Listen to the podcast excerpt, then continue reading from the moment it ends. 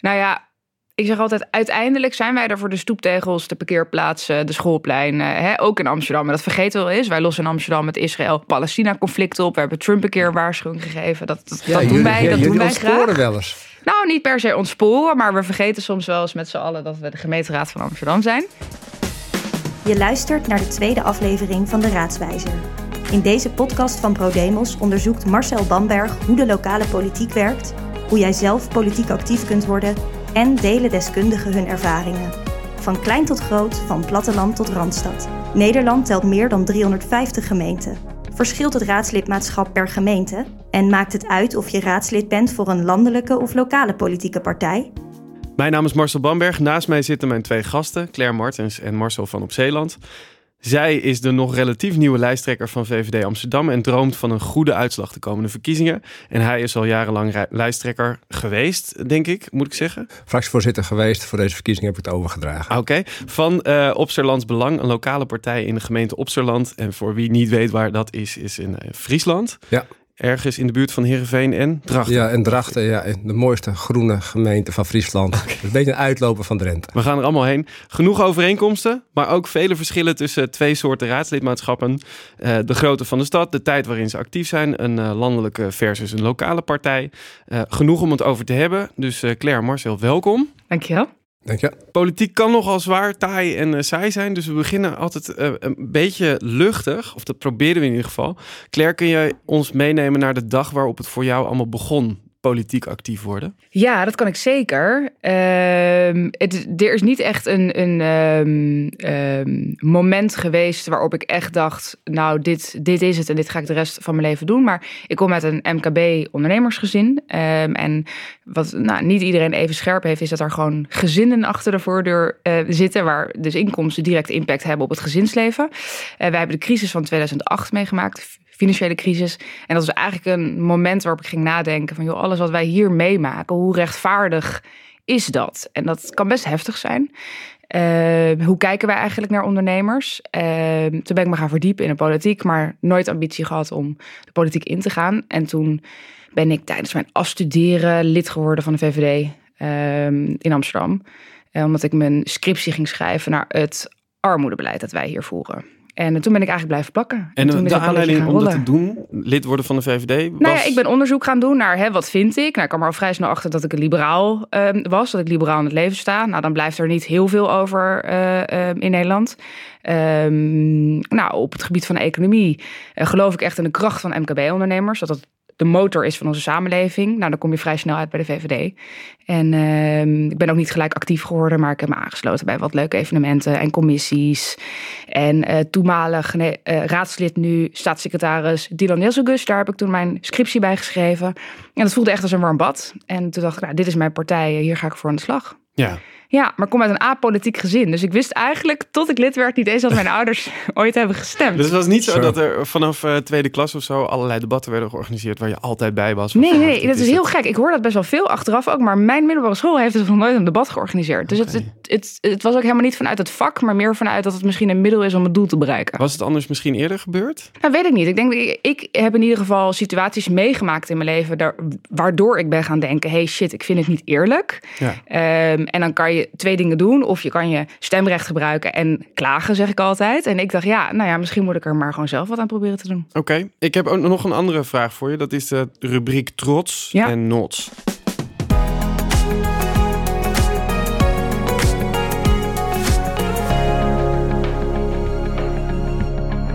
Waar ben je nou wel trots op en waar ben je absoluut niet trots op? Uh, in relatie tot mijn werk als raadslid? ja. nou, waar ik heel trots op ben, is dat uh, ondanks het feit dat wij in de oppositie zitten in Amsterdam, uh, dat het mij toch is gelukt om ehm, het terrassenbeleid zo aan te passen dat horecazaken deze winter hun terras mogen laten staan buiten. Ik denk dat dat een, nou, toch wel voor een klein beetje omzetgarantie zorgt.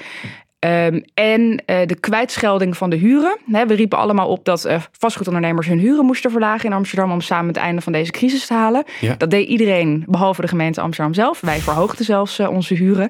En het is me uiteindelijk toch gelukt dat er nu een bedrag van 10 miljoen euro wordt vrijgemaakt om die huren kwijt te schelden. En en daar ben ik wel trots op. Het heeft elf maanden geduurd. Wauw. Ja. ja, dus dat betekent ook wel dat je soms echt een lange adem moet hebben om iets voor elkaar te krijgen. Maar ja, dat zijn wel de dingen waarvoor je het doet. Waar ben je totaal niet trots op? Wat we zelf hebben gedaan. Ja. Nou ja, kijk, wij zijn natuurlijk eh, in een eh, oppositierol terechtgekomen. Na heel lang meebesturen. En dan moet je wel echt jezelf opnieuw uitvinden. Hè? De VVD is gewoon een bestuurderspartij. Wij voelen ons gewoon heel comfortabel bij.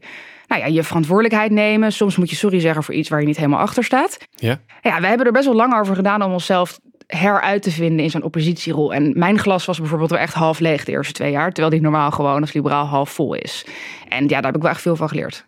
Marcel, kun jij ons eens meenemen naar de eerste stappen die jij deed in eh, de politiek? Poeh, nou, als je heel ver teruggaat, dan was het eigenlijk al heel lang geleden. Dat was begin jaren tachtig, denk ik. Had, Oké. je de- had je historische debatten tussen Den Uyl, PvdA destijds, en Hans Wiegel op televisie. En ik was nog heel jong.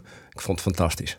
Dus twee mannen die zo ongelooflijk geloofden in wat ze aan het doen waren. En op inhoud, zeg maar, hè, elkaar nou, enorm hè, met het woord bestreden. Om dan die kijker maar duidelijk te maken waar die voor stond en waar het Ja. moest zijn.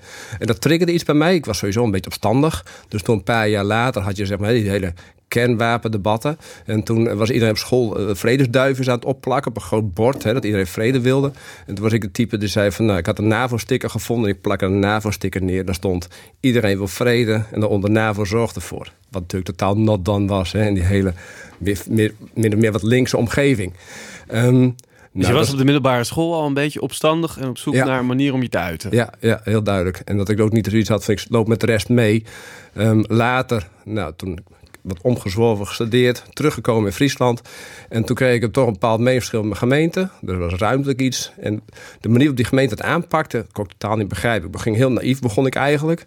En uh, god, beste gemeente, is een probleem. Kunnen we erover praten? Kunnen we een oplossing vinden? En later bleek, zeg maar, dat die gemeente het heel juridisch formeel aanpakte... om gewoon te doen wat ze in het hoofd hadden zitten... maar niet echt een oplossing zocht. Nou, dat hele toestand is een opgelost. Iedereen tevreden, goede oplossing gevonden. Eigenlijk door een gemeenteraad die ingreep. Toen dacht ik, dit is voor mij. Dus die gemeenteraad, wil ik in zitten. Precies wat jij zegt. Hè, als je iets vindt, kun je de kroeg gaan lopen schreeuwen. Nou, ga dan zeg maar zo'n gemeenteraad je mening geven. En dan kun je in ieder geval nog iets bereiken. Dan hebben anderen er ook nog iets aan.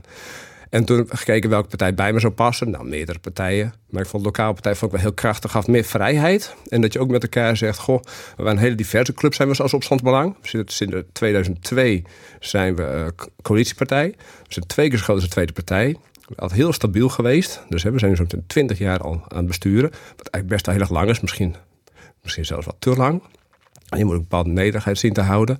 Um, maar oké, okay, daar, daar, zitten we. En ja, die partij, omdat intern zo divers is. Hè, je hebt mensen die komen van VVD-huizen, ondernemers. Dat zie je heel vaak bij lokaal. Aan de andere kant ook mensen die hebben aan de kant van GroenLinks zitten. Of mensen die bij, zich bij het CDA Die zitten allemaal voelen. binnen één fractie, Precies. binnen één partij. Dus, en als je dan ziet, dan zie je vaak de problemen zie je wel hetzelfde. Ja. Dan kun je nog anders denken over de oplossing. Wat is je oplossingsrichting? Hè? Grotere overheid, kleinere overheid. Nou, als je dan maar lang genoeg doordebatteert, mm -hmm. dan kom je vaak wel uit en zegt: Oké, okay, maar dan is dit de best inhoudelijke oplossing. Nou, als wij dan vervolgens het debatten gaan in de gemeenteraad, zijn we zo goed voorbereid. We hebben alle argumenten al gehoord van links en rechts. Dat nou, we daar vaak veel, ja, veel, veel niet of onze mening goed naar voren kunnen brengen. Of het halen moeten we afwachten.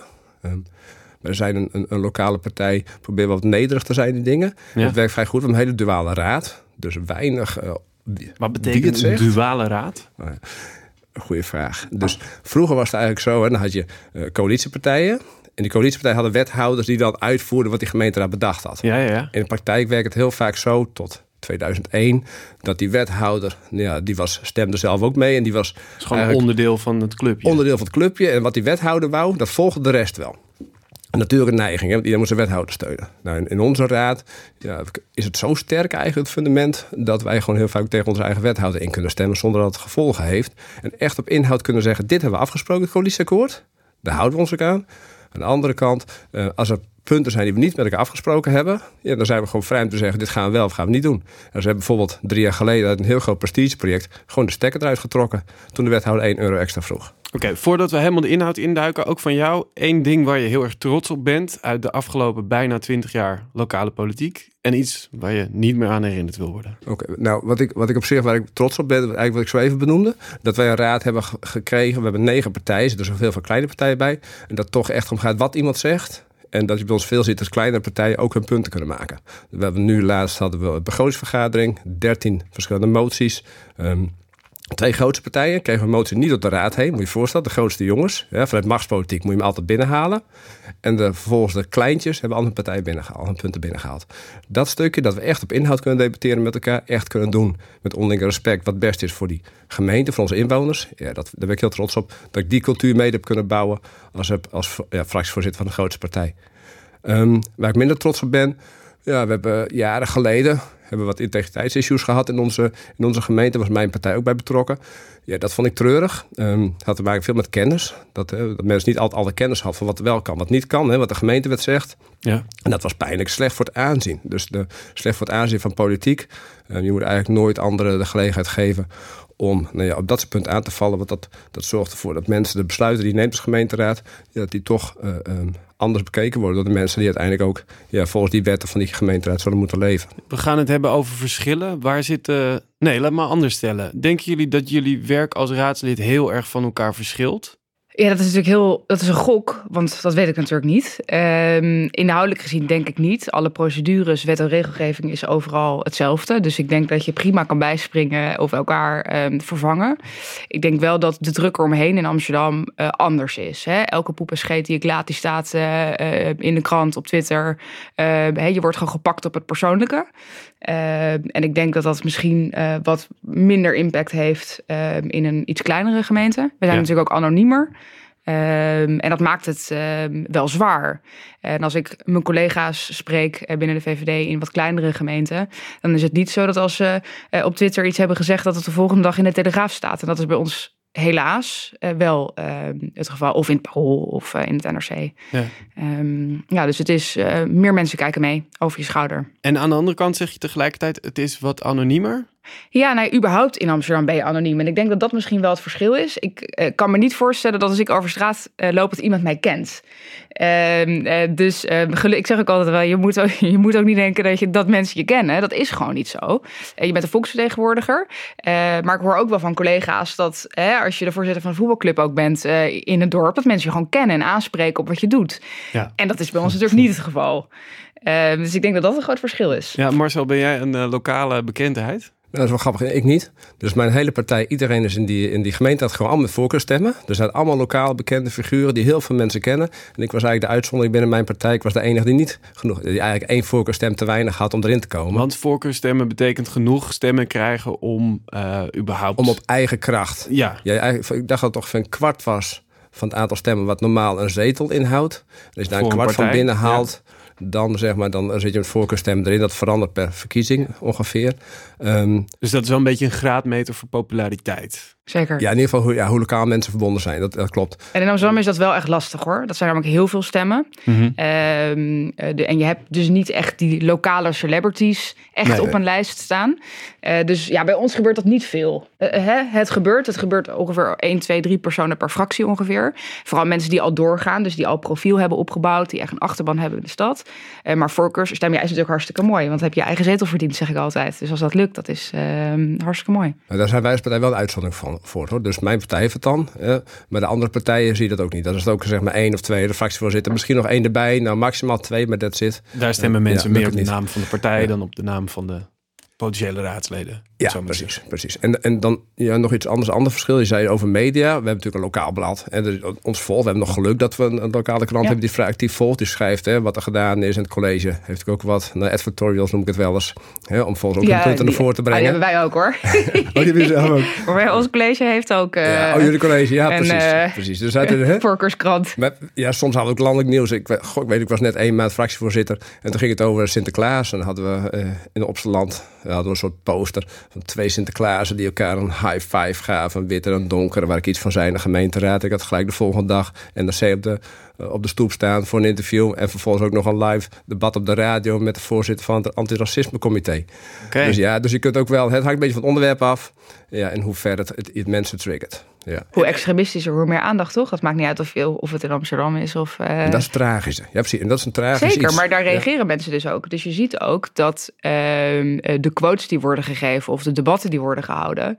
hoe scherper het is, hoe meer aandacht je ermee krijgt. Dus het is ook olie op het vuur. Ervaar ik in ieder geval. Ja, ik, op zich dat als je een goed debat hebt hè, en, en um, als het over de inhoud gaat, is het prima. Maar wat je nu eh, ook vaak ziet gebeuren, we hadden het zo even ook over voordat, hè, voordat dit gesprek begon. Dan zie je ook wel eens dat in de Tweede Kamer, hè, dat hoe extreem het is wat iemand roept, dat haalt dan zeg maar de krant. En dat wordt een beetje uitvergroot. Dus dan zie je hè, dat het beeld wat je krijgt van landelijke politiek, dat het zeg maar alleen de extremen zijn. En sommige politici worden dan ook daarop geselecteerd dat ze extreme dingen zeggen, die misschien net over het randje zijn of net niet over het randje zijn. En dat zie je dan vervolgens terug hè, in de Telegraaf, Volkskrant, nu.nl, NRC. En als dat beeld men blijft herhalen dat men in Den Haag zo met elkaar omgaat, ja, dan op termijn kweek je iets. Hè? Ehm, en dat vind ik, ja, dat vind ik een tragisch iets. Dat het nieuws eh, toch ja, eh, ook zichzelf moet bedruipen.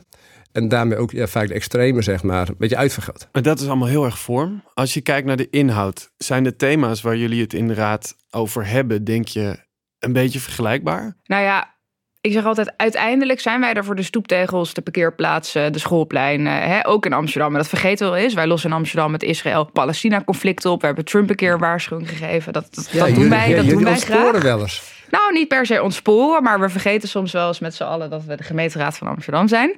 Ehm, ehm, ik, ik, Ze noemen ik ook denk, wel eens Republiek Amsterdam, toch? Zeker, en Ja. ook wel eh, Wokum ook tegenwoordig in Ja. plaats van Mokum. Ehm, nee, eh, kijk, uiteindelijk doen we allemaal hetzelfde. Hè. Wij hebben ook gewoon onze portefeuilleverdeling. Ik doe economische zaken, dus ik ben bezig met ondernemers. En ik denk dat dat precies hetzelfde is. Dus als dat onze budget, ehm, wij hebben het over miljarden. Hè, dus onze begroting is natuurlijk van andere orde. Eh, en wij hebben natuurlijk ehm, grotere veiligheidsvraagstukken die ehm, op ander niveau plaatsvinden dan, ehm, dan denk ik in een kleiner dorp. Ja. Eh, dus het gaat over hele serieuze, hele serieuze onderwerpen af en toe. Maar de thema's overal komen De- waarschijnlijk de- ik denk dat ze exact hetzelfde zijn. Ja, ik denk hetzelfde zijn. Ja. Thema's zijn hetzelfde. Alleen eh, Amsterdam is natuurlijk, heeft, eh, wat heb je, 850.000 inwoners. Ziet er anders uit. Amsterdam krijgt vanuit Den Haag twee keer zoveel geld per inwoner als onze gemeente. Ja. Bij ons gaat het vooral over bezuinigingen. Nou, in Amsterdam is nog heel veel ruimte om allemaal leuke dingen daarnaast ook te doen. Nou, Om misschien wat inefficiënter in te ehm, delen? Nou, we staan behoorlijk in het rood. Dus het is een politieke keuze om het geld uit te geven. Het is niet zo dat het, dat het Hm. kan. Nou, ik dacht wel, ik, zag, ik had even vergeleken die begrotingen. En dan zie ik wat wij uitgeven per inwoner in Jutten. dacht ik, nou, dan zie je als liberaal toch wel een beetje jaloers zijn op ons. En dat onze overheid 2,5 keer zo klein is als die van Amsterdam. En wij geven 2,5 keer zo weinig geld uit per inwoner Ik ben als absoluut Amsterdam altijd jaloers op eh, gemeentes die eh, eh, hun financiën op een andere manier bedrijven dan dat wij dat doen in Amsterdam. Dus wat dat betreft. eh, ehm, Ze ja. zeggen wel eens tijd is geld. Hoe begroten jullie je eigen tijd? Heb je een vast aantal uren wat je per week uitgeeft aan raadslidmaatschap? En wat is dat dan? Dat hangt er heel erg vanaf. Ik heb vijf kinderen. En ook nog hele jonge kinderen. Eh, dan vervolgens heb ik nog een baan. Hè, waarvoor ik dat in Amsterdam ben of in Brussel ben. En dan je- moet je tussendoor helemaal nooit telefonerend, telefonerend nog hè, proberen dingen te regelen. En, en dan is net welke rol je pakt. Hè, want je noemde zo even hè, dat jullie hadden een mooie motie er doorheen gekregen. Over die terrassen 's winters open te laten. Dat had je elf maanden genomen. Nou, bij ons was zo. Je kunt natuurlijk als, als grootste partij in een, in een coalitie. kun je heel makkelijk zeggen. Dit vinden wij. En je drukt er alles bij je coalitiegenoten doorheen. En dan krijg je altijd je zin. Maar Ja. dan verbruik je wel veel politiek kapitaal. Het kan veel sterker zijn wanneer je met iedereen goede, goede relaties hebt. Ook met oppositie, met coalitiepartijen. Dus je bedoelt dat je investeert in, in relaties met Ja, andere partijen. En daar gaat de meeste tijd Ja. aan zitten. En dan denk ik eigenlijk, als je fractievoorzitter is het goed, we doen onze gemeente, ben je toch oeh, wel 25 uur per week, 30 uur per week kwijt. Oh ja. ja, nee, ik ongeveer tussen de 20 en de 40 eh, voor alleen Amsterdam. Ja. Dus het ligt eraan of er ook eh, de gemeenteraad zelf staat. Die duurt bij ons bijna twee hele dagen eh, achter elkaar. Eh, en bij ons zijn de vergaderingen onder werktijd. En dat maakt het natuurlijk al best wel lastig om te combineren met je baan. Dus ik werk gewoon fulltime. Deels omdat ik mezelf nog wil ontwikkelen op mijn maatschappelijke carrière. Ook omdat ik het heel belangrijk vind dat eh, lokale politici werken. Maar eh, dat is natuurlijk het verschil met ook een landelijke partij. Wij hebben natuurlijk ook heel veel landelijke evenementen. Eh, dingen die ik ehm, vrijwillig doe. Ik ben bijvoorbeeld trainer voor de VVD International. Dus ik ga vaak mee naar het Midden-Oosten eh, en Oost-Europa... om daar ehm, zusterverenigingen, partijen eh, te helpen met lokale democratie. Dat doe ik dan vrijwillig in het weekend. Ja, dan heb ik een zevendaagse werkweek. Dan heb je nog je landelijke congressen, je verkiezingsdagen. Ik heb veel vrienden en collega's in andere G4-steden die je gaat helpen. En dus het is bijna zeven dagen in de week. Is dat eigenlijk aantrekkelijk voor mensen die raadslid zouden willen worden? Dat ze horen, nou ja, als je het goed doet, moet je 40 uur per week eh, toch wel eh, de boer op. Nou, dit, dit, dit zijn, eh, dit is wat, kijk, bij ons zo, jullie vergaderen twee dagen. Dat doen wij niet. En Ja. bij ons is het eh, avonden sowieso, dus buiten werktijd Ja. Meestal. En dan is het meestal zeg maar is het één avond, soms maken we er twee avonden van. Oké. Eh, maar meestal, en dan is het per maand. Nou ja, de gemeente gerelateerd vier avonden. En daarnaast wat fractievergadering. Dus als raadslid, en als je gespecialiseerd bent in bepaalde onderwerpen, dan kun je met veel minder tijd doen. Dan kun je het ook doen met tien uur tijd. Oh ja. En dan is het, dan is het echt wel Ja. te doen, vijf tot tien uur. Dat is Dus er is best wel een verschil tussen een grote stad en een, eh, een kleinere gemeente. Zeker, zeker. Maar de hoeveelheid stukken zijn ook Ja. anders. Hè? Want bij ons is een hele dag vergaderen al op één onderwerp. Dus er is al één hele dag in de week dat je bezig bent eh, met een bepaalde portefeuille. Ehm, het, het, het grote verschil is dat het onder werktijd is. Hè? Dus je hebt per definitie al, en dat vind ik ook het lastige eraan, je trekt vrij snel mensen die als ZZP'er werken of Ja. Ehm, ehm, in, de echt mensen in loondienst, dat, nou, dat ben ik heel toevallig, die worden schaars. Omdat het ook echt heel lastig is. En je moet wel eens hebben met je werkgever dat ze op output sturen. Eh, zeggen, ik, Ja. ik, ik, ik geloof dat je je uren wel maakt. In plaats van dat je voor negen ehm, tot vijf moet zitten. Want dan kan je deze baan al niet ehm, naast je werk doen. Dat is wel een risico inderdaad. Want dan krijg je inderdaad het risico dat je inderdaad allemaal mensen krijgt die bij de overheid al werken. Die krijgen dan Ja. hè, verplicht vrij van de Zeker. overheid. Zeker. Eh, dan krijg je inderdaad voor de rest gepensioneerden. Maar dat komt omdat we zo'n grote versplintering hebben van allemaal partijen. Dus hoe meer partijen je krijgt, hoe meer spreektijden Ja. eh, er zijn, hoe langer de vergadering duren. Hoeveel En- hebben jullie? 13 of 13, 14 oké, wij partijen. negen. Dus zeg maar, wij doen soms eh, 400 moties eh, eh, bij de begroting. 400. Ehm, dus dat, dat, dat, zijn, eh, dat, zijn, dat is gewoon Hoeveel een is avond bij jullie dan? Blij- Blijven jullie bij, voor, voor, bij het- ons- voor de nou, verhouding? Wij proberen heel sterk, bij ons wordt heel sterk gestuurd toch op efficiënt vergaderen. Dus probeer op hoofdlijnen te houden. Dus eh, bij ons wordt Ja. heel sterk gestuurd, jongens, ga niet al het werk van die ambtenaren opnieuw doen. Maar dat hebben is we heel het erg dan over, verleidelijk. over 10, 10 Bij, bij moties? ons hebben we afgelopen keer hadden we 13 moties bij de begroting. Ja, jeetje. En, en maar die Zo'n begroting, ik denk dat het, dat het iets minder ingewikkeld is in Amsterdam uiteraard. Hè, want je hebt bijvoorbeeld veel met diverse zaken. Aan de andere kant, ja, de onderwerpen zijn allemaal hetzelfde. Hè, denk het de ook. economische- dus bij ons wordt heel sterk gestuurd, maakt het efficiënter. En bij ons willen mensen precies niet onder werktijd vergaderen. Er is heel veel pushback, omdat heel veel Zeker, mensen gewoon een baan ja, hebben naast hun werk. Dus helemaal eens met wat je zegt. Ehm, en dat is ge- ik denk gevaarlijk is voor lokale economie en voor lokale politiek. Omdat mensen moeten zich vertegenwoordigd voelen. En als heel Amsterdam overdag aan het werk is... en dan vervolgens is er weer iets besloten in de gemeenteraad... waar allemaal mensen zitten die, waar ze zich niet aan herkennen... ja, dan ga je toch denken, ja, moet ik me daar wat van aantrekken? En dat zie je nu. Hè? Ja, maar eh, Amsterdammers herkennen zich er wel in. Want er wordt toch op die partij gestemd. Dus zeg maar, bij ons is het een voorwaarde dat je nog een baan daarnaast hebt. Dat is per politieke partij verschillend. Dat is gewoon een keus. Wij sturen echt op mensen die ook een maatschappelijke baan hebben. Eh, maar er zijn ook politieke partijen waar gewoon de helft geen baan heeft. Zie- heb je het idee dat die mensen in Amsterdam... dat ze stemmen omdat het de Amsterdamse politici zijn... omdat ze stemmen omdat ze nationaal, voor die partij zijn? Ja, precies. Dat maakt Maar het ook heel er lastig. zitten ook bijna geen lokale partijen in. eh. Geen. Nee, Ja, ik zag Nida en, en de oudere partij. Maar die zijn niet lokaal. Nee, maar Nee. die zitten in ieder geval niet in de Tweede Kamer. Eh, nee, maar wel in andere eh, grote steden. Ja, het zijn geen lokale partijen inderdaad. Nee. Maar Rotterdam heeft het wel en Den Haag heeft het ook. Dat heeft Amsterdam een uitzondering. Ja. Maar als jij zegt van mensen stemmen dus wat ze landelijk stemmen... Ja. Ja, dan is dat net zo eh, welk type mensen heb je binnen je gemeentegrenzen zitten... die dan landelijk bepaald profiel hebben. Zeker. En dat is, eh, dat is wel jammer eigenlijk. En bij ons zie je toch mensen ook veel landelijk stemmen. Maar je ziet bij ons mensen ook echt lokaal stemmen. En daar zijn lokale partijen, ja, bij ons, Ja. in ons geval, ja, vrij groot. Vind je, dat, vind je dat een groot voordeel? Want ik las op jouw website, Marcel, dat er bijvoorbeeld staat... eh, wij hebben geen landelijk bestuur of eh, vertegenwoordigingen van onze partij in de regio. Dus we hoeven met niemand anders rekening te houden dan met de inwoner van deze gemeente. Wat het mooie is aan raadslidmaatschap... is hè, dat je, als jij een idee hebt waar de wereld naartoe moet... dan kun je die ventileren. Kijk, als je wethouder bent, dan moet je rekening houden met je ambtenaren, met wat wettelijk mogelijk is, met hè, wat, wat, wat eh, je inwoners willen, wat die politieke partijen willen. Maar als jij raadslid bent, dan heb jij jouw idee van zo kunnen we de wereld beter Ja. en mooier. En die ideeën kun je uitspreken daar. Ja, en het is fijn als de rest van de fractie het met je eens is. Ja, dat zul je, dat zul je wel moeten. Nou ja, wat, wat je dan ziet bij ons. ehm, ehm, je hebt geen ander kader, zeg maar. Je zegt, binnen deze Nee. lijnen moet het. Ehm, en dat zie je lokaal trouwens ook bij landelijke partijen wel. Hè. Onze VVD bij ons, die haalt regelmatig de, de PvdA links in. Hè, dus, de, ehm, dus daar zie je wel wat verschillen in komen. Mhm. Ehm, En maar wat heeft dat precies te maken met lokale partij versus landelijke partij? Dat, dat, eh, dat ik ook zie dat die lokale VVD bij ons niet altijd heel erg hard naar Nee, een lijntje loopt landelijk. Aan de andere kant, als je kijkt naar de SP, hè, die hebben het juist wel heel erg sterk. Hè. SP is bij ons, heeft dan ook een afdeling. Maar die hebben nog, dus er nog nooit toegestaan zich verkiesbaar te stellen van de landelijke SP. Dus ja, daar, wij hebben heel veel vrijheid. En wij kunnen dan ook wat dat we snel op actualiteiten inspringen. En we hebben wel bepaalde uitgangspunten waar we ons op baseren. En waar alles van afgeleid is. Ja, maar we hebben inderdaad een. Ja, we kunnen heel goed gaan voor dat lokale belang. En daar voelen dus heel veel mensen zich bij thuis. Heb ik zeg van eh, Ja. GroenLinks tot aan VVD'ers. Tot aan mensen die ergens in het midden zitten. Hoe voel jij dat dan? Ja, nee, ik, ik ben hier heel blij mee. Ehm, weet je, eh, Onderdeel voor mij is het. Ja, eh, voor mij is het. het is gewoon een grote familie. En eh, de afgelopen anderhalf jaar eh, op het gebied van economische zaken bijvoorbeeld, hebben wij gewoon een groepsapp met alle woordvoerders, eh, bijvoorbeeld economie of horeca. En we delen alles met elkaar. Eh, heb jij dit idee? Heb jij dit idee? Hoe doe jij dit? Hoe doe jij dit? Ehm, dus het is, het is eerder dat je elkaar eh, versterkt.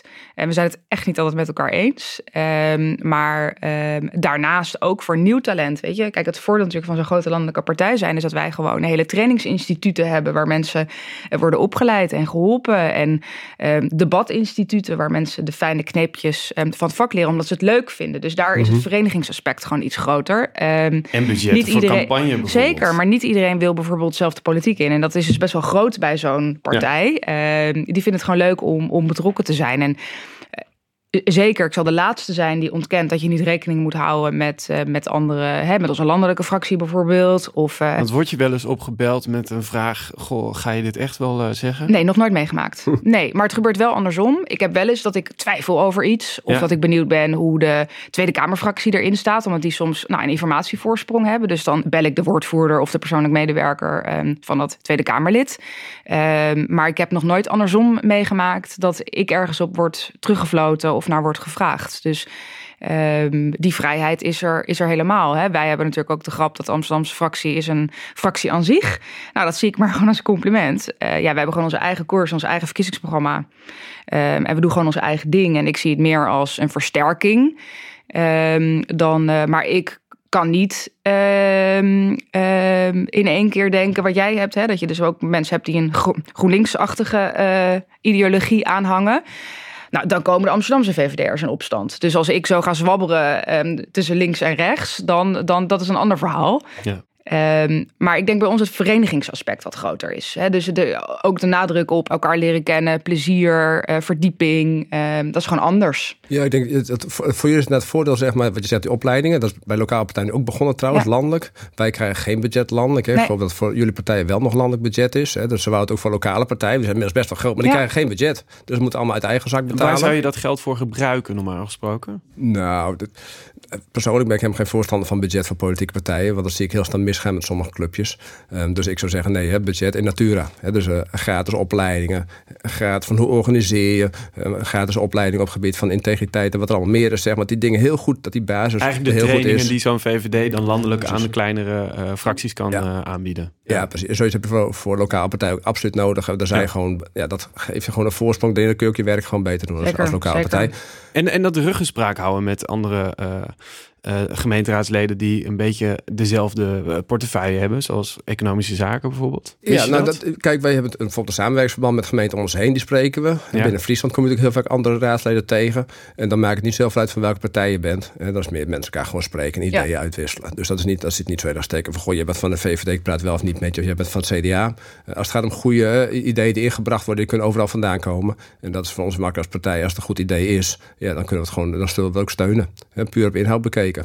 En, ehm, Zeker, maar dat geldt denk ik voor iedereen. Nee, niet altijd. Nee, dus Oh. je, hebt, je, hebt, hè, je zei hè, bijvoorbeeld in Amsterdam dat soms wel eens heel erg persoonlijk gespeeld wordt. Ehm, ik weet zeg maar of jullie debat voeren. Hè, of na, na aanleiding van het debat ook wel eens zegt van oké, dan gaan we toch anders stemmen. Nee. Nee, zie je dat? En dat is dus bij ons gebeurt wel regelmatig. Nee, nee, ik bedoel eh, niet aan de hand van de persoonlijke relatie.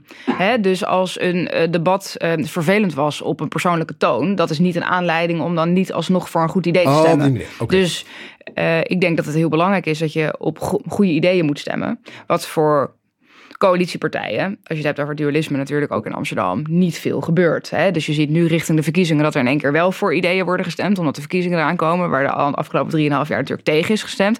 Misschien ook wel logisch. Ehm, maar eh, ik in ieder geval eh, probeer er wel echt, het gaat om goede ideeën. Ehm, en eh, het gaat om Amsterdam. Ja. Precies. Oké, zo dat simpel is het. Ik, ja. heb, ik heb ook meegemaakt, ik weet het, in onze raad, nou, ik denk zo'n jaar of eh, twaalf geleden, als een bepaald iemand iets zei, dan schakelde bijna iedereen af en dan werd er gewoon niet echt goed mee geluisterd om Oh, het idee vooruit te helpen.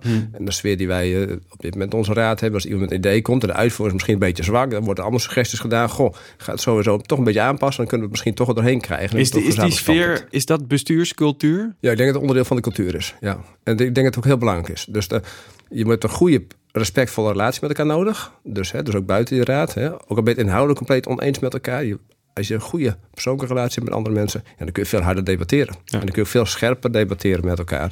En dan kom je tot betere besluiten. We praten zo verder. Eh, een kort intermezzo, de rubriek Bellen met de prof. En in dit geval is dat Julien van Ostijen, eh, lector recht en veiligheid bij Avans Hogeschool.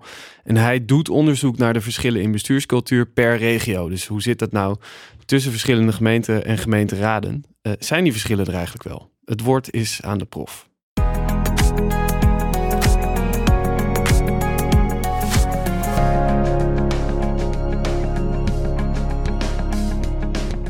De vraag die mij gesteld is, is zie je nu verschillen in de manier hoe het raadslidmaatschap wordt ingevuld in bijvoorbeeld grote gemeenten eh, en kleine gemeenten? Zie je verschillen in bestuurscultuur? En zie je die verschillen ook in verschillende regio's uh, terug? Ja, om maar eens te beginnen met uh, het verschil in raadslidmaatschap in grote en kleine gemeenten. Ja, daar zie je enorm verschillen. Um, laten we maar eens statistisch beginnen. Uh, als je gewoon kijkt hoeveel um, inwoners je vertegenwoordigt, dan zie je in een stad als Amsterdam dat er 45 raadsleden zijn. Dus dat betekent dat elk raadslid um, statistisch uh, nou, meer dan 15.000 inwoners uh, vertegenwoordigt. Ja, in kleinere gemeenten, pak een gemeente van 5000 inwoners, ja, daar vertegenwoordigt een, raads, één raadslid 500 inwoners. Dus dat, goed, het zijn statistieken, maar het zegt ook wel iets over de cultuur en de manier waarop je je kunt verbinden, ook met zo'n samenleving. Nou, inwonersaantal zegt ook niet alles. Hè, dus kijk ook naar gemeentegrootte. Hoeveel kernen heeft de gemeente? Hoeveel vierkante uh, kilometer? Neem Zuidwest-Friesland, niet een van de grootste gemeenten qua inwoners, maar wel een gemeente met meer dan 80 kernen. Nou, als je één raadslid bent, um, ja, zelfs als je wekelijks op werkbezoek gaat, ja, dan duurt het twee jaar voor je alle kernen hebt bezocht. Hè. Dus dat is ook een, een, andere, een andere een ingewikkeldheid die je niet hebt of minder hebt als je gewoon uh, één grote stad hebt. Of een, of een kleine gemeente met een paar uh, kerkdorpen. Nou, problematiek verschilt natuurlijk in grotere uh, en kleinere gemeenten. In stedelijke en plattelandsgemeenten natuurlijk ook. En of je nog een regiogemeente bent, dus dat je ook nog allerlei functies en taken uitvoert voor de kleinere gemeente in je omgeving. Ja, ook dat soort dingen maken uit. Nou, dat zie je ook bijvoorbeeld terug in salaris. Kleine, kleinere gemeenten is de vergoeding van het raadslidmaatschap een stuk kleiner dan in grotere uh, gemeenten. Dus ja, dat werkt door in de cultuur. Dus ook hoe je je als raad en als raadslid verbindt met um, de inwoners en, het, en, en ook de ambtenaren en de bestuurders in zo'n gemeentehuis. Dus ja, het maakt nogal wat uit of je een gemeente bent met, nou, pak een beetje 200 ambtenaren. En dan ken je de meeste als raadslid wel. Je ziet ze uh, geregeld in de raad langskomen. Nou, uh, hij of zij is versport. Nou, die krijg je als het gaat om financiën. In grote gemeenten met ja, 5000 of 10.000 ambtenaren is dat ook veel anoniemer. Nou, de tweede vraag die ik kreeg ging over die bestuursculturen. Um, ja, zie je verschillen? Nou, in, in, in een rapport van Marcel Bogers, um, Sabine van Zuidam en uh, mijzelf hebben we onder andere een onderscheid gemaakt in informele culturen, waarin je wat informeler met elkaar omgaat, en de formelere culturen, en consensus en conflictgericht. En dat, je zou zeggen, nou, daar, daar zie je wel dat onderscheid in stad en platteland in terug. De verwachting is dat stad misschien wat anoniemer is, wat harder. En plattelandsgemeente, eh, nou, wat informeler. Je loopt wat makkelijker bij bestuurders binnen bij de wethouders, misschien zelfs bij de ambtenaren. Nou, in, in, in, in de wat grote gemeente is dat hiërarchischer, gelaagder, anoniemer. Nou ja, daar blijkt in de praktijk wel wat op af te dingen. Je ziet dat natuurlijk wel voor een deel terug. Maar ja, er zijn ook genoeg voorbeelden van kleine gemeenten waar het behoorlijk formeel of ook hard aan toe gaat. En andersom, hè, grote gemeenten waar dat niet zo is. Um, dus het is heel lastig om te zeggen, nou ja, uh, in dat type gemeente heb je al bijna vanzelfsprekend zo'n bestuurscultuur. En dat zie je eigenlijk ook als je kijkt um, naar regio's. Dus we hebben dat in het onderzoek ook aan mensen gevraagd. Hè. Is er nou een typische Brabantse manier van besturen? Of uh, een, een, Limburgse of Groningse, Achterhoekse, Randstedelijke. Uh, maar dan nog blijkt dat maar zeer beperkt aanwezig. Uh, andere onderscheiden voor zover die er zijn, bijvoorbeeld tussen groot en klein, of stad en platteland, lijken wat wezenlijker. Maar ook daar geldt Um, zelfs als je een aantal, nou ja, zelfs als je die factoren gelijk hebt en, en een bepaalde gemeente die wat dat betreft heel erg op elkaar lijken, wil nog niet zeggen dat ze op dezelfde manier uh, bestuurd worden. Dat je daar als raadslid op dezelfde manier uh, werkt um, en dat de cultuur daar op dezelfde manier ervaren wordt. Ja, heel kort gezegd dus. Um, er zit een heel groot verschil in het aantal raadsleden per inwoner. En uh, per uh, nou ja, stadskernen of regio, regio's die vallen onder je verantwoordelijkheid. En de bestuurscultuur, die verandert eigenlijk helemaal niet. Van grootte van een stad of dorp of de locatie en de ligging. Verrassen jullie dat? Nee, nee, nou ja, waar we het net al over hadden. Hè, de opdracht is eigenlijk hetzelfde, de structuur is hetzelfde. Uh, het enige wat verschilt uh, zijn uh, de partijsamenstellingen, denk ik. Dus daar had ik misschien nog wel een verandering um, kunnen wat verwachten. Wat bedoel je met partijsamenstelling? Nou ja, dat, je dus, dat wij dus bijvoorbeeld ge geen lokale partijen hebben. Dus ja. um, dat, dat de lijntjes naar Den Haag allemaal zo sterk zijn... dat, ja. dat er geen hele spannende verrassingen plaats kunnen vinden, bijvoorbeeld. Um, maar ja, blijkbaar maakt dat niet uit. Dus nee. misschien is dat ook wel goed. Ja, denk het ook. Het zegt inderdaad hoe, wat dat, hoe goed het systeem in elkaar ja. zit. Dat het niet van de groot afhangt wat dan die bestuurscultuur is. Nee. En dat echt puur lokaal door die partijen bepaald wordt welke cultuur je gezamenlijk waar je voor kiest. Welke cultuur. Ja. ga, je, ga je bijvoorbeeld, hè, zoals jullie twee dagen uh, spreken over een bepaald onderwerp om besluiten te nemen. Omdat je zegt dat verdient die tijd en zo ingewikkeld is het. En daarom wil op die manier er goed in dat iedereen ruimte heeft om alles goed, moties, alles goed in te dienen. Of doe je, wat in onze gemeente was gebeurd, dat je echt bijna op tijd zit en zegt: Goh, dit onderwerp, ook als het heel belangrijk we moeten snel hè, doorheen, alleen op hoofdlijnen en niet te veel detailistisch geneuzel. Want daar is helemaal het college met ambtenaren voor verantwoordelijk. Alleen op hoofdlijnen moet je besturen. Al die keuzes, ja, die kun je lokaal maken. En ook met je hoe je met elkaar omgaat. Hè. Heb je inderdaad een raad die in consensus denkt? Of heb je een raad die zegt, nou, we zijn op vels van de strijd. En dan zien we met stemmen wel wie het uiteindelijk wint. Ja, dat kun je, dat kun je lokaal bepalen. Dat bepaalt uiteindelijk de kiezer. En want die gaat nou, toch in de loop der tijd ja, bepaalde raadsleden daarvoor kiezen die voor de ene stijl kiezen of voor de andere stijl kiezen. Julien had ook het uh, aantal inwoners gemiddeld per raadslid aan. Uh, dus dat, dat kan een heleboel zijn of ja. relatief wat minder. Um, heeft het wel invloed op het contact met jullie inwoners uh, waar je raadslid bent, denk je? Ja, dat weet ik eigenlijk bijna wel zeker. En dat vind ik ook, moet ik heel eerlijk zeggen, ook jammer. En dat baart me ook wel zorgen op dit moment. Uh, op dit moment gaan nog meer partijen meedoen aan de gemeenteraadsverkiezingen. Wat in theorie of kan betekenen dat alle kleine partijen eraf vallen. En dat de restzetels naar de grote gaan. Of we krijgen nog verdere versplintering. Ja, dat, dat, uh, de tijd zal het leren. Maar als je al tussen de 20 en de 40 uur per week bezig bent met je raadslidschap. Dus Mhm. puur de vergaderingen, het voorbereiden van de vergaderingen. Um, um, en ik, ik, probeer mijn werkbezoeken te doen op de dagen uh, in reces bijvoorbeeld. Uh, dat zijn zeg maar vakanties voor andere mensen. Voor mij is dat dan een vrije werkdag. Uh, dan ga ik al mijn werkbezoeken doen en in, in de weekenden. Uh, maar ja, je zou dat het liefst meer doen. Want dat is natuurlijk letterlijk waarom je de lokale politiek bent ingegaan. Maar het is niet meer uh, mogelijk met een baan ernaast. En dat baart me wel zorgen op dit moment. Ja. ja. Is contact met inwoners bij jullie makkelijker? Denk je? Ja, ik denk het wel. Ik denk dat je inderdaad bij ons is... uh, wij zijn een gemeente met meerdere kleinere kernen, zeg maar. Ik dacht iets van 17 dorpen of zo dat we hebben. Ik weet niet precies. Um, en dan is het inderdaad zo dat je toch lokaal... je gaat in plaatselijk belangbijeenkomsten toe... en dan zien mensen en mensen een mening hebben... ja, die ventileren ook gemakkelijk bij je. En dat is op zich wel heel prettig. Dat maakt het wel iets, ja, iets, iets overzichtelijker, zeg maar. Je begrijpt ik, ook... ik neem aan dat je dat soort plaatselijke groeperingen, zeg maar, om het zo maar even te noemen, ook wel een beetje verdeelt onder de fractiegenoten die je hebt. Van, nou, ja, wij, wij, gaan altijd naar die. Ja. Ja, ja, bij ons hebben we het opgesplitst per onderwerp. Dus ja. hè, wie is woordvoerder van wat. Uh, en dan vervolgens uh, ook inderdaad per nou ja, dorp, zeg maar. Ja, wij ook. Maar dan per stadsdeel. in ja. ja. stadsdeel zal het zijn. En dat, en dat werkt op zich heel erg goed. Zolang, zolang wat je ook zegt, zolang je die verbinding maar houdt.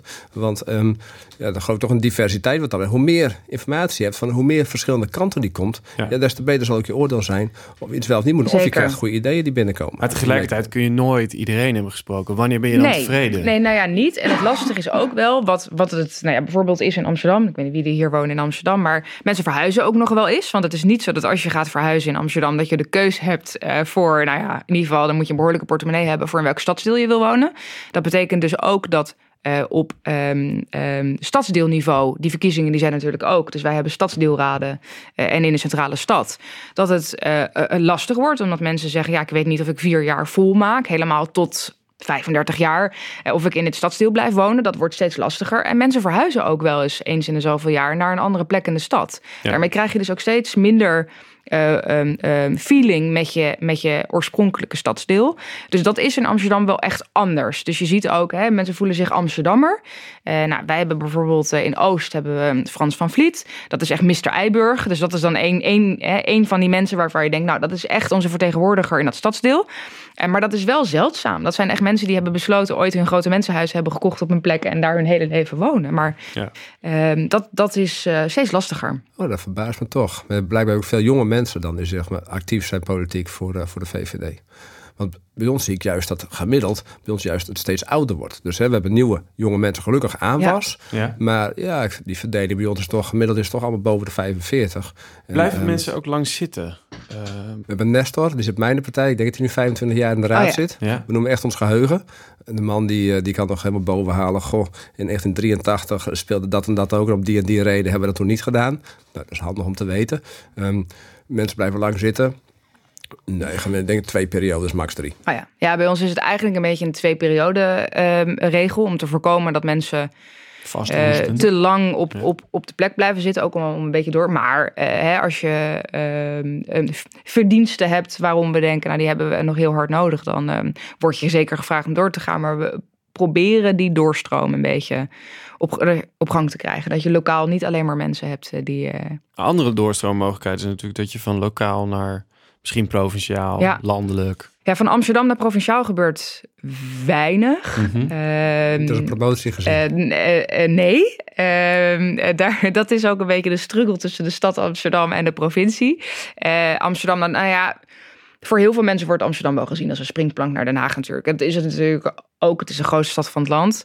Ehm, ik vind het wel jammer, je ziet wel politieke partijen waar die doorstroom heel hoog is. Dus waar mensen echt al na twee of drie jaar ehm, ehm, eh, doorstromen naar Den Haag. Eh, dat je je hebben- misschien ook afvraagt, was dat vanaf moment één dat, eh, het doel? dat, eh, dat mag, hè, daar ga ik niet over. Ik vind het wel zonde, want daardoor hebben Amsterdammers wel steeds minder het gevoel dat, we, dat, hè, dat je er voor Amsterdam zit. Binnen de VVD proberen we wel gewoon, er zijn echt uitzonderingen, maar we proberen wel te zeggen, maak eerst je ene periode af. Want je Ja. hebt je verkiezers, je mm, kiezers gezegd, ik, ik ga dit termijn eh, af. Ja. Eh, ik maak het af. En het kan natuurlijk zijn dat je doorgaat en halverwege andere ambities hebt. Ik bedoel, er is niks mis met ambities. Laten we dat ook uitspreken. Als jij je wil blijven inzetten en je kan naar Den Haag op een gegeven moment, dat is dat mooi. Alleen ik vind na twee jaar, als je je kiezers hebt toegezegd dat je vier jaar voor ze aan de slag gaat, is niet eh, nou dan moet je niet te veel doen. Mhm. Ik ben, ik ben het met je eens, maar de- Ja. er zit wel een kwetsbaarheid in dat systeem. Dat is het voordeel van lokale partij. Al die lokale politici, die kunnen nooit vanwege zichzelf zitten, want het is geen springplank. Ik bedoel, ik zie wel op stand belang. Hoe goed of hoe slecht ik dat doe, het maakt niks uit voor mijn verdere politieke carrière, want ja, daar houdt het gewoon op. Ja, je zou misschien nog iets bij de Friese Nationale Partij in, in kunnen gaan doen, maar hè, dat, er, zit dus, er zijn geen carrière mogelijkheden wat, dat- wat dat betreft. Dat geeft een voordeel, want dan ook als je in die gemeenteraad zit, jouw enige loyaliteit is richting die kiezer. Misschien nog een beetje richting je college die nog hè, niet te moeilijk wil maken, maar eigenlijk precies richting de kiezer. En iemand zeg maar, die daar zit, en daar hebben we landelijk ook wel eens wat voorbeelden van gezien, en die eigen, eigen carrière in het achterhoofd heeft, die kan misschien toch wel eens denken: ja, zal ik hier heel hard ingaan voor die kiezer? Of zal ik toch een beetje voorzichtig zijn, want ik zie dat andere mooie baantje dan nog, en daar zou ik niet voor gepasseerd willen worden. Ja, maar is, Dus ik is, vind is, dat- dat- is dat, dat in jouw een- geval niet ook zo? Jullie hebben toch ook mensen die graag wethouder willen worden en dan niet een partij hebben erboven die op een gegeven moment zeggen: het is mooi geweest, je moet doorstromen? Nou, ik denk, in, bij ons soort gemeente, ik, bewonder de mensen die wethouder willen Ja. worden, want eh, dat is niet, geen makkelijke rol. Zeker niet. En, eh, en ook geeft veel minder vrijheid. En zeker bij ons, een van de complimenten aan ons was... onze vorige wethouder die wegging na een aantal jaar... die zei nou, die werd trouwens burgemeester... die zei van ja, ik heb de grootste oppositie altijd gehad van mijn eigen partij. De moeilijkste club om mee samen te werken. En ehm, ja, dus of, of dat een carrière is bij ons in mijn fractie bijvoorbeeld... daar zitten voor zover mij bekend geen kandidaat voor, voor wethouderschap. Dus ehm, eh, we hebben gelukkig een hele goede wethouder kunnen vinden. Maar die hebben we zeg maar wel op die manier... Ja. Ja. voor, om die rol te gaan nemen. Hij doet ook een excellente job daarin. Maar nee, bij ons wordt wethouderschap niet van nature... dat we meerdere mensen ook allemaal wethouder worden en op die reden. Nee. Maar de, dat, dat eventueel ooit een keer een positie in de landelijke po- eh, politiek in het vooruitzicht ligt, kan natuurlijk ook een aantrekkingskracht zijn voor mensen met veel talent die denken: eh, ja, ik wil hier wel een paar jaar eh, opwarmen Ja. en eh, laten zien wat ik kan. Ehm, waar misschien een lokale partij of een kleinere gemeente zelfs veel minder aanwas door krijgt, waardoor je op een gegeven moment. Ik, ik lees genoeg verhalen van partijen die gewoon geen vervanging meer kunnen vinden voor eh, een zetel die Ja. eh, niet vervuld kan worden in een kleinere gemeente. Oké, dat, dat speelt bij ons niet. Ik, ik zie wel breed bij partijen dat inderdaad hè, dat nieuwe aanwas. Ja. Deze periode valt heel erg mee trouwens. We zien nu weer veel aanwas. Maar de vorige periode was, was, was het inderdaad veel moeilijker geworden. Ehm, om zeg maar, hè, genoeg mensen op de lijst te krijgen van voldoende kwaliteit. Dat speelde nou ja, heel breed. Deze periode zien we heel veel, juist heel veel aanwas. Ik denk dat wij Ja.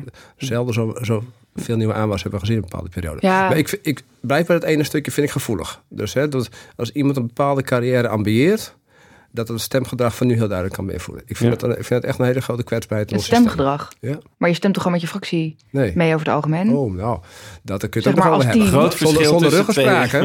Zonder ruggespraak. Dus wij stemmen ook in principe altijd hetzelfde. Dat is mijn partij. Dus eh, in principe altijd hetzelfde. Maar het is wel eens gebeurd, en niet zo heel lang geleden, dat eh, ik net even op het toilet zat toen er gestemd werd. En ehm, en op dat moment stemde En ik dat dus was niet mee. Bewust. Om, En- Maar stemmen, anders stemmen, heeft toch niet zoveel te maken met een andere carrière na lage land. Ik bedoel, je moet lo- lo- lokale politiek toch niet zo onder een vergrootglas Nou. leggen op die manier. Althans, ik kan me niet voorstellen dat ooit Ik, ik iemand... kan, stel, stel je zit als VVD bij de coalitiepartij in Amsterdam. Ja. Hè, en daar hangt hè, iedereen, toch een hele grote stad, heeft heel Mhm. veel uitslagen, ook internationaal. Hè. Die steden worden ook internationaal gezien steeds belangrijker. Je ziet, hè, landen worden iets minder belangrijk, Mhm. steden, agglomeraties worden belangrijker. En nu hebben jullie een heel belangrijk iets, een bepaald onderwerp. En ja, moet je eigenlijk, jouw eigen wethouder is bijvoorbeeld van economische zaken. Ja. En eh, jij zou een bepaalde kant op willen stemmen. Ik denk, ja, dat is toch niet, hè? we noemen wat. We gaan eh, in één keer 10% meer belasting heffen bij onze inwoners. Om volgens die multinationals die in Amsterdam zitten... wat extra belastingvoordeel te geven in Amsterdam. Dat ze allemaal gratis pand krijgen. Stel, zoiets zou je willen doen. En dat is dus landelijk zeggen, ja, wacht eens even. Dat ga je niet doen, want dat ligt helemaal niet lekker. Er zitten landelijke verkiezingen aan te komen... en dat er op die manier toch druk ontstaat. En dan kan ik me voorstellen dat mensen zeggen... nou, ik weet niet hoe hard ik hierin moet gaan. Je hebt gewoon extra, extra drukmiddels. En de, je extra, Oh ja. is je persoonlijk belang dat je wellicht die carrière zou willen maken. Dat vind ik een kwetsbaarheid. Nou ja, wat ik de grootste kwetsbaarheid vind hierin is dus... eh, ik heb dit echt nog niet ervaren, dus het voelt... Nou, Mhm.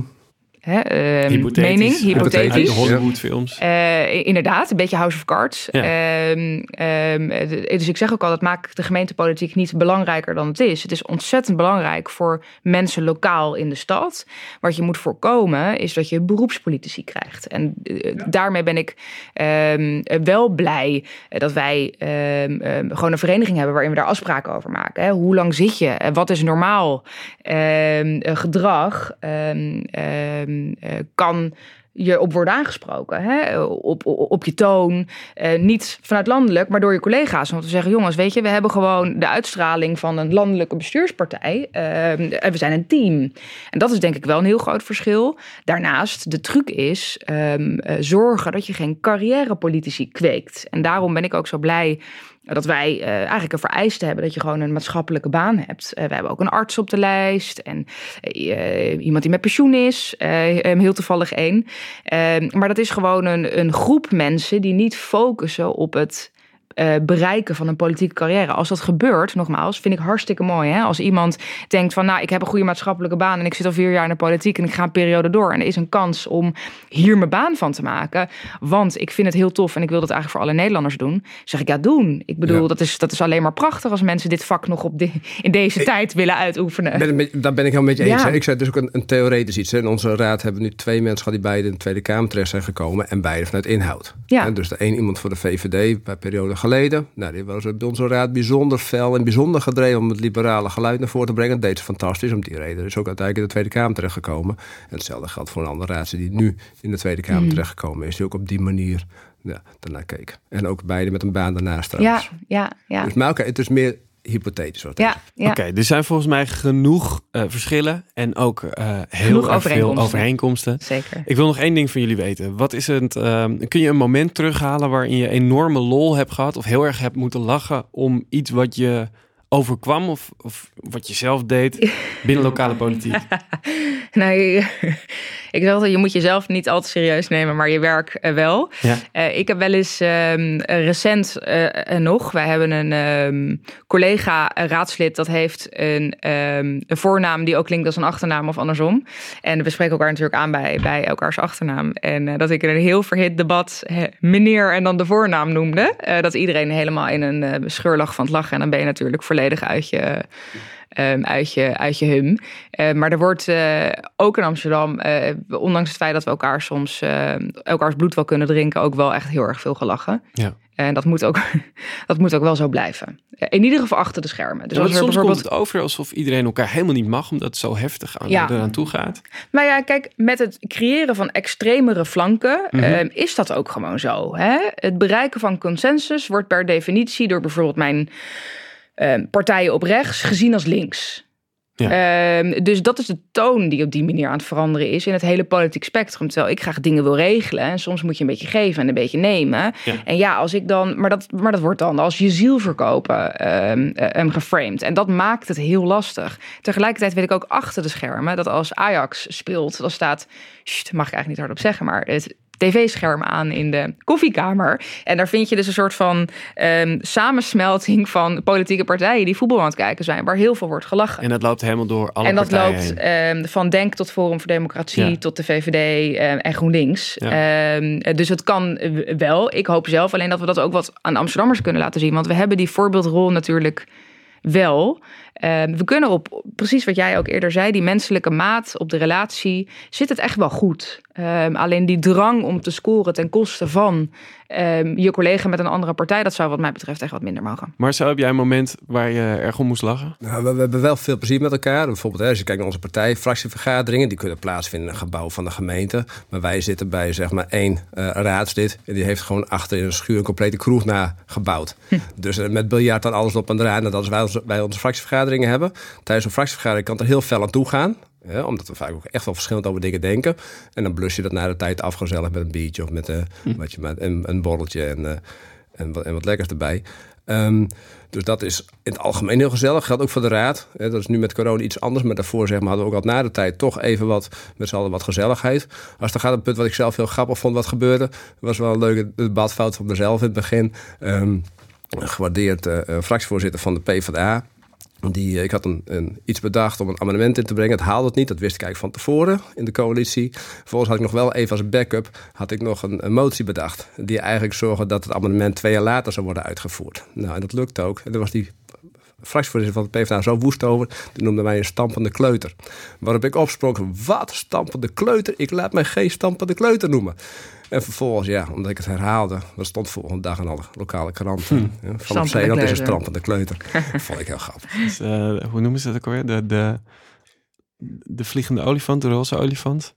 Denk niet aan... Oh, de, nou, oh, niet aan, denk er niet aan, zeg maar. Ik ben dat niet, nou, dan ben je het wel. het, was, het was een heel leuk debatfoutje. Okay. Um, over het algemeen gebeuren veel leuke dingen. Er wordt veel gelachen in politiek, hoor. Dat, dat hem moties net anders worden uitgevoerd dan... Of, of anders, dat die net anders overkomen dan uh, bedacht was. Ik heb een keer de VVD meegemaakt. Die hadden uh, iets wat ze onverwacht binnenhaalde. De wethouder zei toe, ja, dat ga ik doen. En toen zei ze, goh, wilt u die motie nog in stemming brengen? Ja, die wou hij graag in stemming brengen. Ondanks dat de wethouder toezegt. Ja, wou die toch. Toen werd hij weggestemd. nou, ik weet niet of ik dat grappig vind. Nou, vond ik wel grappig. Oh. was net. het was, een, het was iets, iets bijzonders wat er gebeurt. Er gebeurt veel leuk, er wordt, er wordt toch veel gelachen in de politiek. En precies wat jij zegt. En dat lees je natuurlijk niet al terug in de media. En dat zal wat meer aandacht voor mogen zijn. Want politiek is wel een heel mooi vak uiteindelijk. Waar mensen heel veel plezier aan halen. En niet voor niks dat mensen voor een hele lage, relatief lage vergoeding... Uh, heel veel uren erin stoppen. Dat doen ze niet voor niks. Dat doen ze natuurlijk voor het algemeen belang. Maar ook omdat ze echt geloven dat het, ja, dat het nut heeft om te doen. En het laatste dat het ook gewoon leuk is om te doen. Dank je wel. Leuk dat je luisterde naar de Raadswijzer. In de volgende aflevering krijg je antwoord op de vraag: hoe kom je op een kandidatenlijst van een politieke partij terecht? Abonneer je op de Raadswijzer in je favoriete podcast-app, zodat je geen aflevering hoeft te missen. De Raadswijzer is een productie van ProDemos, Huis voor Democratie en Rechtsstaat. Voor meer informatie kun je terecht op www.prodemos.nl.